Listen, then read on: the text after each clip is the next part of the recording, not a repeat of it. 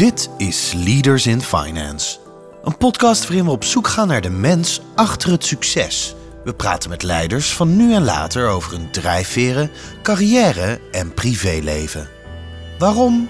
Omdat er meer gesproken moet worden in de financiële sector. We willen onze partners hartelijk bedanken voor hun steun. Dat zijn EY, MeDirect, RiskQuest, Kayak en Roland Berger. Je host is Jeroen Broekema. Welkom luisteraars bij een nieuwe aflevering van Leaders in Finance. Dit is een extra aflevering en ik zit op dit moment letterlijk een minuut of 15 na het Leaders in Sustainable Finance Event 2024 bij Antropia Driebergen Zeist met vier mensen aan tafel. En wij gaan met z'n vijven, ik zal niet heel veel werk doen, maar deze vier mensen des te meer, gaan met z'n vijven reflecteren op deze dag. En ik ga jullie voorstellen, de gasten bij mij aan tafel, dat zijn Menno Koistra, Jaap Gerkes, Sanne van Keulen en Pauline Bieringa. Heel erg welkom dat jullie hier zijn, dat jullie ook de hele dag bij Leaders in Finance waren. En wat ik denk ik leuk zou vinden, is als jullie eerst jezelf kort introduceren en ook vertellen nou, welke organisatie je representeert. En dan begin ik graag hier aan mijn rechterhand, uh, Pauline. Dankjewel, uh, Jeroen. Pauline Bieringa, ik ben uh, directeur van Triodos Bank Nederland sinds 3,5 jaar. Maar ik zeg altijd, ik heb al uh, 30 jaar lang een band met uh, Triodos. Want uh, 30 jaar geleden ben ik bij Triodos in de leer gegaan over het financieren van windenergieprojecten. En ik heb ook jarenlang inderdaad van toezicht van een microfinancieringsfonds gezeten van Triodos. Leuk, fijn dat je even de tijd neemt om met ons te reflecteren. En je de borrel nog heel kort uitstelt met, met, met het doen van deze podcastopname. En naast jou, Pauline, hebben we Sanne. Sanne? Ja, mijn naam is Sanne van Keulen. Um, ik zit hier uh, vandaag namens Impact Institute. Uh, ik leid uh, het team wat zich bezighoudt met de financiële sector en de verduurzaming van de financiële sector. En wat Impact Institute eigenlijk doet, is um, ja, naast de financiële waarden ook de ecologische en sociale waarden in geld uitdrukken. En zo kun je ook sturen op die waarden. Dankjewel, mooie, mooie introductie. Gaan we verder aan deze tafel, Jaap? Uh, mijn naam is Jaap Gerkes. Ik werk uh, al heel lang voor Protivity. Wij zijn een internationaal adviesbureau en daar binnen deze club ben ik uh, verantwoordelijk voor onze dienstverlening op het gebied van ESG. En in die hoedanigheid was ik hier vandaag ook. Buitengewoon interessant. Leuk. En last but not least, Menno. Nou, mijn naam is Menno Kooistra. Ik ben partner bij KPMG en verantwoordelijk eigenlijk voor alle ESG-vraagstukken op advies. Als jullie nou vanavond in, in bed liggen en je denkt nog eens aan dit event, misschien helemaal niet, misschien wel goed om dat niet te doen, maar stel je voor dat je dat wel doet, wat, wat blijft er dan hangen? Er blijven misschien heel veel dingen hangen, maar als je eens één of twee dingen zou moeten, zou moeten pakken. En ik kijk niemand, uh, nou iedereen tegelijk aan, zodat iedereen de, de microfoon kan pakken, maar wat, wat blijft hangen bij jullie? Ik moet meteen denken aan vanochtend, toen uh, ook die video werd getoond van het interview in Buitenhof met de wetenschapper die onderzoek deed op de Polen. Uh, Antarctica was hij het meest geweest volgens mij. En, Spitsbergen, ja. Of Spitsbergen. Ja, hè, het ging ook over ja, de pijn eigenlijk die hij voelde. En die je heel duidelijk zag ook in dat interview op Buitenhof. En ik denk ook, net als met persoonlijke groei, ja, zonder pijn is er ook geen groei. En voelen we nou genoeg de pijn? Hè? Want daar werd ook gezegd, nou, we moeten ons focussen op waar het heen moet en, en het positieve. Maar ik denk ook echt dat we zonder die pijn niet gaan groeien. Zo mooi, want uh, de ondertitel of de titel van de dag was Transition. What's the pain and what's there to gain? Dus bedankt voor het leggen van dat bruggetje. Um, andere? Ja, wat mij uh, is bijgebleven is wat vanochtend al gezegd werd uh, door Leonieke van Houwerlingen, het solidariteitsidee. Dat werd nog een keer bevestigd door Kees Venderik, die noemde het climate justice. En Lotte, die, gaf, Lotte van Meerten gaf dat net aan, heel mooi, leave no people behind. Ja, in het verlengde daarvan, het viel me wel op dat het, uh, het thema dit jaar uh, voor 80, 90 procent, misschien wel meer, over klimaat ging. Terwijl ik juist het inspirerend van het evenement van vorig jaar vond dat er heel veel meer dan alleen de E en dan met name de CO2 in het, uh, in het hele ESG-verhaal naar voren kwam. Wel op een aantal momenten, zoals Paulien ook al aangaf. Maar ik merkte wel dat dat, dat, dat een heel belangrijk onderwerp was. Twee, wat mij opviel, was dat toch uh, ja, het snoepje van de dag, CRZD, de enorme compliance effort die eraan gaat komen. Die uh, domineerde toch een deel van de dag. Zowel de discussies als ook het hele discussie over hè, de, de, de pain van compliance versus de gain van strategische targets. Ik, uh, ik vrees dat we het volgend jaar over CS3D gaan hebben, want dan hebben we een nieuw snoepje van de dag. CS Triple D, ja. Ik ben het helemaal met je eens. En wat ik vooral ook uh, mocht ervaren, vooral bij uh, de meeste mensen vandaag, is de, de honger om van elkaar te leren. Dus het is inderdaad ook al gedreven. En human rights bijvoorbeeld als voorbeeld is, uh, is wat minder belicht vandaag geweest. Maar wel de honger eigenlijk van hoe gaan we daar nou invulling aan geven in zo'n value chain. En eigenlijk zag je dat in de middag ook. Ja, hoe gaan we nou om in de financial services met onze klanten? Hoe ver moet je gaan? Hoe ver moet je monitoren? Wat, wat, wat doe je dan? Wat is de frequentie? En ben je dan verantwoordelijk of niet? Want je wordt toch gezien een beetje binnen financial services als de motor voor die transitie. En dat is en een pain en een gain, zou ik maar zeggen, beide. En uh, ik vond het wel mooi en mooie gesprekken daarbij. Ja. Ja, want je had het net aan, uh, Jaap, de, de CSRD was een belangrijk onderdeel van deze dag. Uh, dit is een onderwerp waar jij met jouw organisatie ook heel druk mee bent. Hè? Is het zo dat je het werk bijna niet aan kan om financiële instellingen te helpen hiermee? Uh, wij werken niet alleen voor financiële instellingen. Ik, ik, vind juist ook de complexiteit van, van industriële bedrijven, retailorganisaties die wereldwijd inkopen, uh, minstens zo interessant als de financiële sector. We hebben het daar wel druk mee. En, en, en dat heeft er ook mee te maken, wat ik net al zei, is dat die regelgeving een jaar is uitgesteld op een gegeven moment, waardoor bedrijven nu pas een beetje in paniek komen.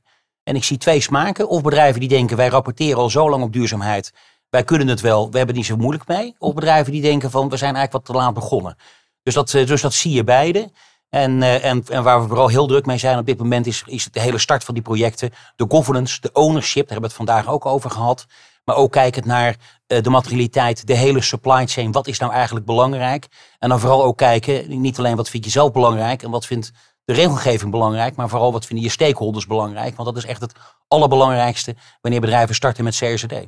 Ja, ja dat wilde ik jou ook vragen. Menno, de panel wat door jouw collega-partner eh, Marco Friquet geleid, of geleid werd, geïntroduceerd wordt, moet ik zeggen. Dat ging ook over uh, what and how to report, maar meer nog misschien wel over and how to go beyond compliance reporting. Is men daar überhaupt al mee bezig als je dit zo vandaag hoort? Of is men eigenlijk alleen nog maar bezig met plannen maken? Nou, het is, het is iets evenwichtiger. Wat ik, wat ik dus zie is, uh, zeker binnen financial services, men is echt uh, volop bezig om over reporting echt te reporten en wie we zijn. Wat ik wel zie is een vraag die eigenlijk neem maar toeneemt, is van wie zijn wij nu? Welke verantwoordelijkheid hebben we nu? En hoe ziet onze strategie er nou uit? Uh, dus ook echt vooruit leren kijken. en ik zie eigenlijk de CRSD als een hulpmiddel. En, en, ik heb het onlangs ook gezegd van, jongens, als je echt wil weten wie je bent, dan moet je eigenlijk eerst je reporting gaan mee beginnen. Dus dribbel maar in. Uh, en als je dan ingedribbeld bent met elkaar, dan krijg je zelf de vragen van: hey, dit zou de impact kunnen zijn op mijn eigen organisatie, maar ook de impact kunnen zijn op de society. En ik merk nu, ook, ook vandaag, men heeft wel behoefte om met elkaar nou eigenlijk langs door die oogharen heen te kijken. Hoe ziet mijn strategie er nou uit? En is die nog wel evident? Ja, want uh, Pauline, als uh, de CSRD als een soort hulpmiddel gezien kan worden hè, om bepaalde doelen te bereiken, dan zou je misschien kunnen denken, ik in ieder geval, dat heeft Triodos helemaal niet nodig, want die zit al helemaal op dat pad. Dus is CSRD dan alleen maar een burden voor jullie? Nee hoor, nee, want ik, uh, en, en, dat, dat vind ik, kijk, ik, zeg altijd van ESG en, en alles, en, alle afkortingen. Uh, wij, wij, waren er al mee bezig voordat die afkortingen er waren. Um, maar ik denk dat het ook zeker nodig is om, om juist die reporting goed op orde te hebben. Maar voor ons is het de start.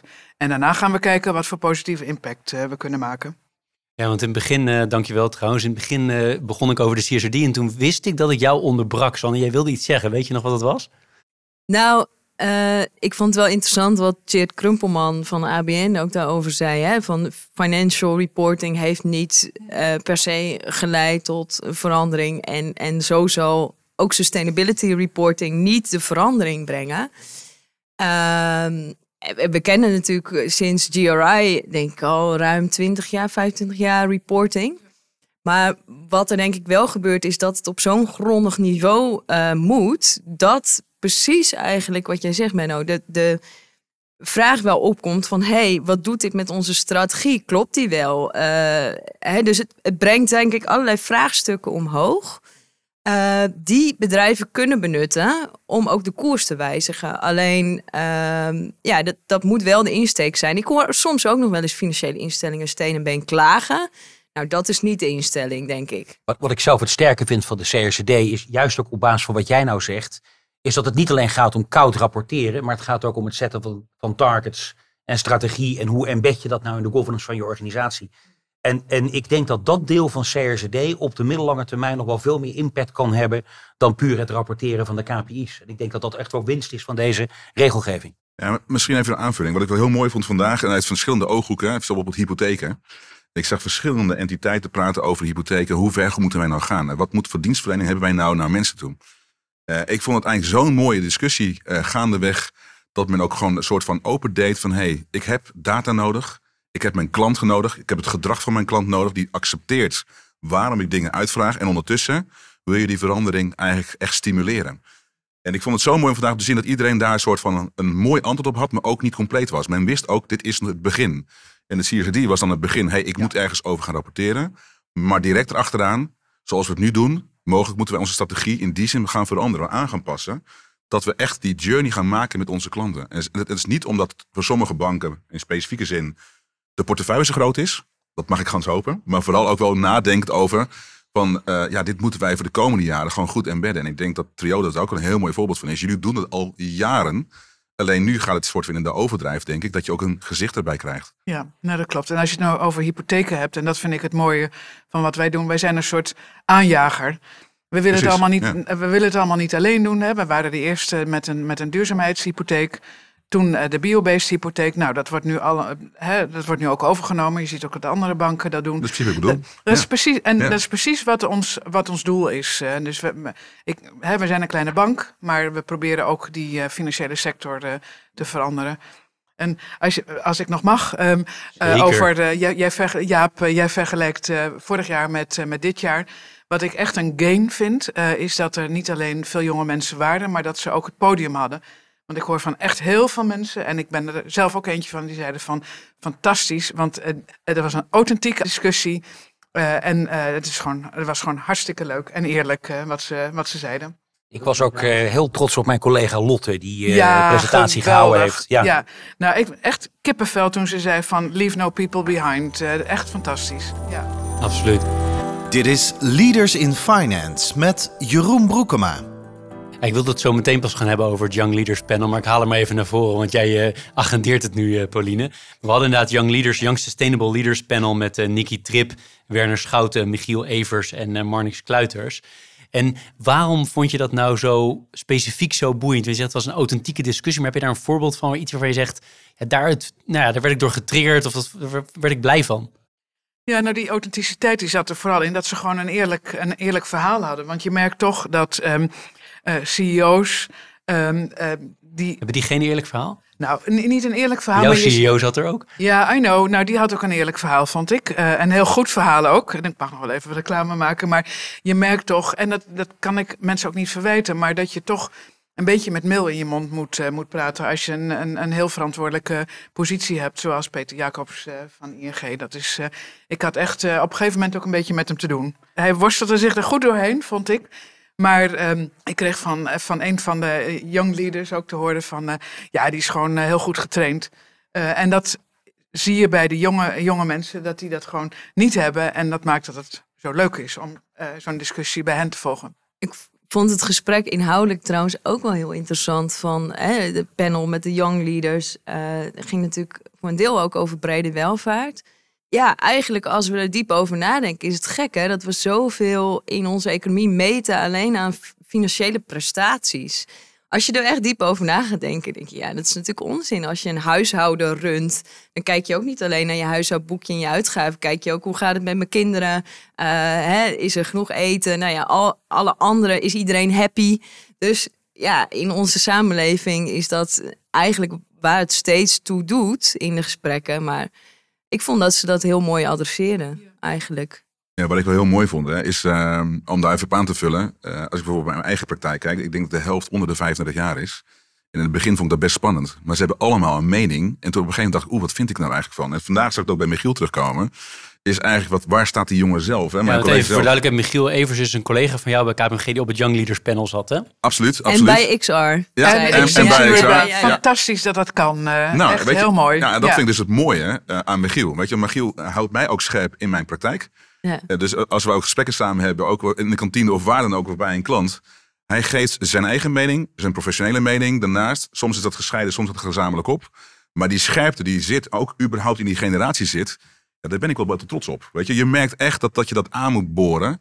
Uh, ik, ik kan hem niet genoeg podium geven bij een spreekzijde. Dus ja, je zit, als je daar zit, heb je nooit zoiets van, oh, uh, wat, wat gaat hij nu zeggen? Het hangt van de setting af. Dat is, dat is natuurlijk... Nou ja, in deze setting bijvoorbeeld. Nou, nee, nee. Ik, van deze setting vond ik het eigenlijk wel zeer oké. omdat ik gewoon weet eh, dat, dat als je versnelling wil maken, moet je ook mensen om je heen gaan zetten die ook niet altijd meegaan. Of wat je net zo mooi zei, als een, als een boord besluit om iets subtiel ermee om te gaan of meel in de mond te nemen. Het is juist heerlijk. En ik vind het persoonlijk heerlijk om ergens te staan. En, en als je dan ergens staat, zoals Michiel dan ook doet bijvoorbeeld, dan weet je ook van, hé, hey, wacht even, oorzaak en gevolg. Hoe ziet het generaties na ons er dan uit? En waarom doen we dit nu? Doen we het echt met passie? Of doen we dit omdat het moet? Weet je, en ik vind dat ook het verschil als ik ergens een organisatie binnenloop. Ik voel meteen, is het een moetje? Dan vind ik het een been. Of willen mensen ook echt? Ja. Dat is een gain. Maar dat is heel interessant, hè? want ik hoor Jaap zeggen, nou, ik ben hartstikke trots op Lot, hè? een collega van jou. Jij bent hartstikke trots op Michiel. Eh, hier wordt gezegd aan de andere kant van, eh dit is echt een authentiek gesprek. Dus eigenlijk kunnen we concluderen, de, de jongeren, hè? de- ik, ik weet niet hoe jong ik zelf ben, maar goed, eh, nog een stuk jongeren in ieder geval, die pre- spreken dus meer de waarheid dan, of meer zijn meer open. Is dat dan de, de toch een beetje sad conclusie? Nou, we hadden natuurlijk op een gegeven moment na de lunch ook eh, die gesprekken in een kleinere setting. En eh, in ieder geval in het gesprek wat, wat ik eh, leidde, kwam heel erg op tafel van hey, je, probeer je hele zelf mee te nemen naar je werk. Eh, thuis, nou ja, heb je kinderen, je hebt familie waar je inderdaad dat lange termijn perspectief ook voor hebt. En nou, dat waren echt niet alleen de jonge mensen aan tafel die, die daarmee bezig waren. En ook wel kijken, ja, hoe doe je dat dan? En hoe beïnvloed je binnen je bedrijf daar anderen weer mee? Hoe infecteer je eigenlijk anderen daarmee? Dus vond ik heel interessant. En misschien als aanvulling, vind het gaaf wat je zegt. Want ehm, in, in de praktijk waar ik nu loop, heb je ook mensen die al 30 jaar bezig zijn. Dat klinkt een beetje als triodos. Die mensen waren toen echt aan het strijden. En nu merk je ook dat er een soort generatie klaar staat om het stokje over te nemen. En wij gaan echt in de full speed door. En dat vind ik echt heel, heel magnifiek om te zien. Dat je denkt van, hé, hey, wauw. Dus al die voorvechters hiervoor, bij spreken. En als je dan kijkt naar nu, dan denk ik, hé, er komt echt een soort zesde versnelling op gang. Ja. Wil ik het met jullie hebben over optimisme en pessimisme. Ik weet niet meer precies waar het in het programma zat. We hebben zoveel informatie tot ons gekregen. Maar ergens vanochtend in het begin van het programma ging het daarover. Ben je nou een optimist of pessimistisch? En ik vind dat zelf wel toch wel interessant. Hè? Want eh, het werd eerder al aangehaald in dit gesprek. Je hebt die Maarten Lonen die we eerst op het scherm kregen vanuit Buitenhof. Eh Spitsberg is 8 graden geloof ik al opgewarmd. Nou ja, eh, verschrikkelijk, emotio- ja, verschrikkelijk verhaal. Een emotioneel verhaal wat ik ook heel goed kan, kan, op kan inleven. En volgens mij konden de meeste mensen dat in de zaal. En tegelijkertijd had je ook best wel hele optimistische verhalen. Hè? Die, die gain, zeg maar, van... Nee, ik, ma- eh, de CEO van, van, ehm van Landschot Kempen die zegt... Nee, ik maak me eigenlijk helemaal geen zorgen dat ik eh, acht meter onder NAP woon. Ik dacht, nou...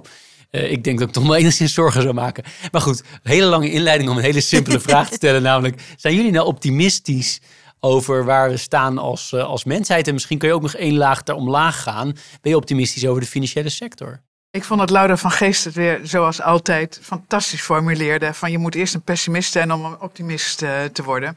Dat was eigenlijk volgens mij in het kort eh, wat zij eh, probeerde te zeggen. Ja, ik, ik, ik ben van huis uit een optimist. En volgens mij is dat ook de enige manier om, om, om, om verder te komen. Want als je te pessimistisch wordt, dan, dan gebeurt er niks meer. Ja, voor mij is het niet zozeer een kwestie pessimistisch of optimistisch. In die zin dat ik een, wel echt voor me kan zien dat we zoveel beter kunnen met elkaar. Dat we de samenleving op zo'n manier kunnen inrichten dat we het allemaal leuker hebben. Eh, en dat we ook meer in contact staan met elkaar en met de natuur. Dat klinkt misschien een beetje zweverig, maar dat zie ik echt voor me. Maar ja, ik moet ook wel eerlijk bekennen dat ik s'nachts echt ook wakker kan liggen. Van hè, de, de, de, het verlies aan soorten, de natuur, ecosystemen die instorten, klimaat. Ik heb een dochter van acht. Uh, dus ja, dat houdt me ook bezig. Is dat pessimistisch? I don't know. Volgens mij is dat best realistisch om je daar zorgen over te maken. Ja, dus jij kon je goed inleven op het, uh, de clip die we lieten zien vanuit Buitenhof van die Maarten Lonen, die onderzoeker. Absoluut, ja. En voor mij is dat ook, nou ja, misschien hè, door mijn dochter, maar ik heb ook veel gewerkt met mensen die nu vandaag de pijn heel hard voelen hè, in, in andere landen. Ja, ik denk dat wij toch in de luxe positie zitten dat we nog allerlei keuzes hebben, dat we het erover kunnen hebben überhaupt en dat we die pijn nog niet zo hard voelen.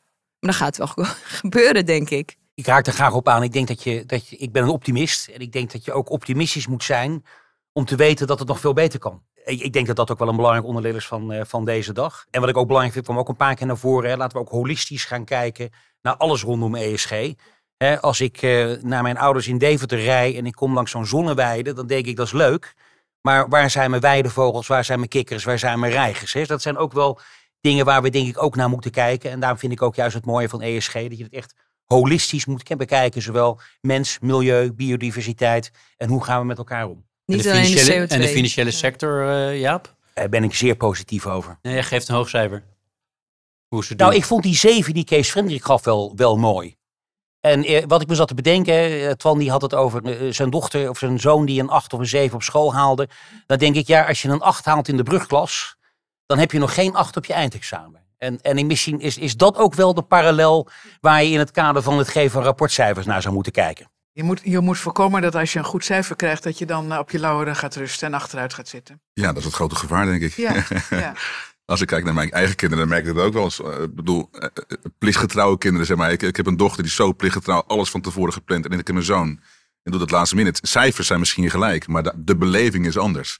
Nee, maar het is best wel. Ik vond wat ik zelf eh, boeiend vond eh, eh, vandaag ook weer, maar ook veel vaker hoor. Maar vandaag was het ook weer heel duidelijk. Aan de ene kant die enorme sense of urgency met zo'n onderzoeker die zegt van nou ja, het is, het is gewoon verschrikkelijk hoe het gaat. En aan de andere kant toch ook heel veel organisaties die zeggen ja, ik kan niet, niet, niet op dit moment helemaal uit fossil fuels gaan. En ja, dan denk je soms, hè, op het einde ging Twan Huis ook uitgebreid daarop in met de CEO van ING Nederland. Van ja, kun je niet toch nog meer doen? En als het nu echt crisis zou zijn, kan je dan nog meer doen. Dus het is altijd best wel lastig om te bepalen van gaat die sector nou hard genoeg of niet? Nou ja, ik denk dat we daar nog te weinig een gesprek over hebben. Dus dat, we hebben een gesprek over de transities in de reële economie, eh, waar geld naartoe moet. Eh, ik denk dat net als bijvoorbeeld in de zorgsector, de zorgsector moet ook in transitie. Hè, want is niet houdbaar. Ik denk eerlijk gezegd voor de financiële sector dat we daar ook een gesprek moeten hebben over hoe de sector en het financiële systeem in transitie moet. En wat dat dan betekent. En dat zal ook, eh, denk ik, betekenen dat een aantal financiële instellingen kleiner zullen worden of zullen verdwijnen. Dat ze anders worden ingericht. Dat er meer coöperatieve modellen eh, komen. Hè, dat, er, dat er ook meer pioniers zijn in die sector die eh, de plek innemen van de gevestigde partijen. En daar moeten we eigenlijk meer het gesprek over hebben, denk ik.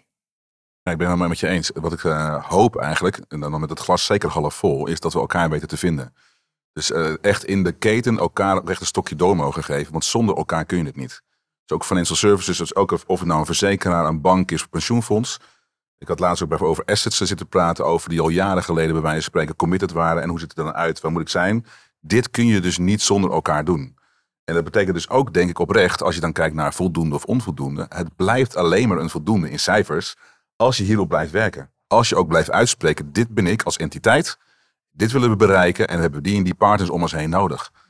Ik mis soms het ecosysteem. Dat ik denk, hey, hebben wij die scherpte in het ecosysteem nou georganiseerd? Volgens mij komt het heel hard nu omhoog. Ook de bewustwording. Dat vind ik ook het mooie van de interactie van ESG. Dat, je, dat je dat moet meten en het, het is afhankelijk van elkaar. Het een sluit het andere niet uit. Maar zonder een gezicht, zonder dat je daar je eigen identiteit op blijft vormen, wordt het wel een soort van exercitie die misschien, is- ja, misschien heel leeg zou kunnen zijn. En dat is wel een risico, eh, maar ik zie het wel heel positief in. Ja. Ja, ik vind het heel mooi dat we elkaar weten te vinden. Ook, dat zie je ook vandaag. Er wordt echt heel veel met elkaar eh, gepraat. Eh, vanochtend kwam money laundering en anti-money laundering even aan, het, aan, aan- de orde. We hebben natuurlijk het Transactiemonitoring Nederland initiatief, waar banken samenwerken. Maar waar we eigenlijk tegengewerkt worden door de autoriteit persoonsgegevens. Die zegt van ja, dat is een, eh, een inbreuk op eh, privacygegevens.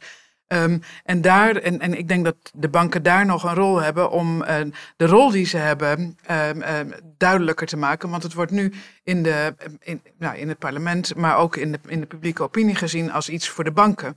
Terwijl het natuurlijk niet iets voor de banken is, maar het is juist voor de mensheid, zeg ik het maar eventjes. Dus, dus daar heb ik de- eh, hebben we denk ik als, eh, als bankaire sector ook nog een, eh, een, een, een rol te vervullen. En, en ook gewoon eh, ja, die rol van ons echt duidelijk te maken wat die is. eh, want eh, ja, die is de afgelopen jaren natuurlijk niet, eh, nou, niet zo positief geweest. Kees, dat- ja. ja. ja, Kees Vendrik, die zijn wel mooi ook in zijn eh, bijdrage. Hè, dat, ehm, ja, ook gezien de politieke ontwikkelingen, dat het goed is dat de sector zich ook meer gaat uitspreken, gezamenlijk gaat uitleggen. Nou, dit is wat wij nodig hebben om verder stappen te kunnen zetten in die verduurzaming. En dat geldt ook voor nou ja, witwassen. Ehm, ja, ik denk dat die oproep eh, echt wel ter harte genomen mag worden door de financiële sector. Spreek je uit.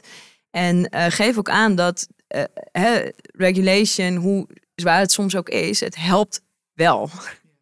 Dat, er is genoeg onderzoek ook die dat laat zien uiteindelijk. En hoe richt je het in? Nou, ook daarover meepraten. Niet alleen maar zeggen het is lastig. Hoe moet je het dan beter inrichten? Um, nou, vond ik een mooie oproep. Nou, ik, ik denk wel, hè, als ik ook zo kijk van uh, publiek, privaat, maar eigenlijk inderdaad overheid heeft verantwoordelijkheid en, en eigenlijk ook een bank. Weet je, dus als ik aan de witwassen kijk, specifiek, ik, uh, het was in het begin zelfs verbazingwekkend hoeveel effort je moet doen als bank om überhaupt een dossier op, op tafel te leggen en te doen. Hè. Dus, dus als je kijkt naar krachten en potentieel die je hebt, hartstikke mooi om te zien waar je nu staat, is het dispotentieel eigenlijk om, om bij één partij te leggen mogelijk. Dus ik zie ook wel daarin juist, wat ik net zei, van die ketenactie. Dit zou je gezamenlijk moeten doen. En er wordt natuurlijk deels al wel verwoord. Maar het parlement mag ook daarvan, wat mij betreft, ook wat scherper in zijn. Ook zeggen, een ownership optonen. Dit moeten wij allemaal doen.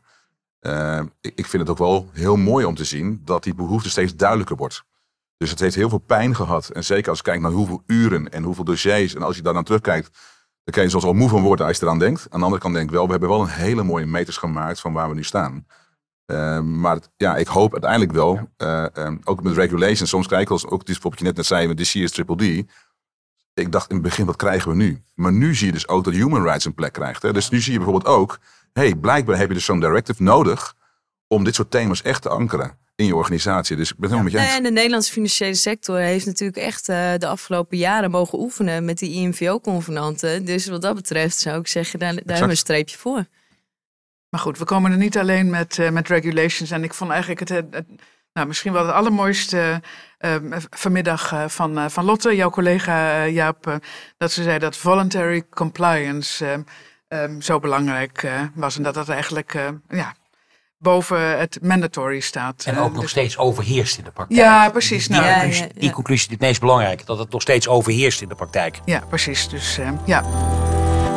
Je luistert naar Leaders in Finance met Jeroen Broekema. Tot slot aan het, uh, nou, tegen het einde van dit, uh, deze reflecties op het uh, Leaders in Sustainable Finance event vandaag, wil ik jullie eigenlijk nog allemaal dezelfde twee vragen stellen. En de eerste is, heb je nog een uitsmijter? Het was een vol programma met heel veel sprekers, heel veel nieuwe gedachten wellicht, die, die we met z'n allen gehoord hebben. Dus heb je nog een uitsmijter? Eén. En twee is, dat is een beetje eigen belang natuurlijk, heb je nog een tip voor de organisatie voor volgend jaar? Dat kan zijn, ik vond... Uh, ik wil graag een bepaalde spreker. Ik zou een ander onderwerp willen. Nou, Jaap heeft al aangegeven. Eén tip heb ik al genoteerd. Uh, niet alleen E, maar ook, uh, ook de, de andere twee letters van de, van de afkorting. maar misschien zijn er nog wel andere tips ook. dus dat wil ik aan jullie voorleggen. Misschien kijk jou even aan, San. Volgens mij heb jij ja. al, al een antwoord op deze twee dingen. De uitsmijter en de tip. Nou, ik begin met die laatste dan. Uh, ik denk uh, als thema meteen voor volgend jaar van Sustainable Finance naar Finance Transition. En het dus echt hebben over, hè, als we 10, 20, 30 jaar vooruit kijken, hoe ziet de financiële sector er dan uit? Zodat die echt um, dienstbaar is aan de samenleving. Dus dat lijkt mij een heel mooi gesprek om te hebben, zou ik heel graag willen. Um, en, en qua uitsmijten, ja, weet je, we werken aan uh, de data boven tafel krijgen, daarop rapporteren, hartstikke belangrijk. Kan ook al heel veel wel en wacht niet met actie totdat je dat op orde hebt. Want echt, je hebt al heel veel informatie om te kunnen sturen op impacts. Uh, dus dat zou mijn tip zijn. Of uitsmijten. Mooi, mooie, mooie twee punten. Pauline. Helemaal eens. Prachtige, prachtige suggestie uh, van Sanne. En ik zou zeggen van uh, doorspek het dan ook met concrete voorbeelden. Dat, uh, die uh, vraag kreeg ik ook. Nou, dit is de tip. Uh, en de ander, de uitsmijter is, ga zo door alsjeblieft. want het is echt fantastisch om, om zo'n bijeenkomst mee te maken. Dus dankjewel. Ja, dankjewel. Jaap? Nou, de tip waar we het al over gehad hadden, iets meer aandacht voor de S en, en de G. Um, wat ik ook, ook jou mee wil geven is wat ik vorig jaar zo leuk vond. Dat was die CFO van Tata Steel. Die met een moeilijk bedrijf met een moeilijk verhaal toch iedereen enorm aan het denken zetten en, en ook wel discussie op gang bezig te brengen. Het moet niet te veel navelstaarderij voor de financiële sector worden. En, en qua uitsmijter, eh, ik zou zeggen het is zes uur, ik ga een bitterballetje eten. Vegetarische bitterballen, Jaap, want ik heb geen, uh, geen vlees hier. Dus uh, dat, uh, daar moet je het wel even mee doen nu.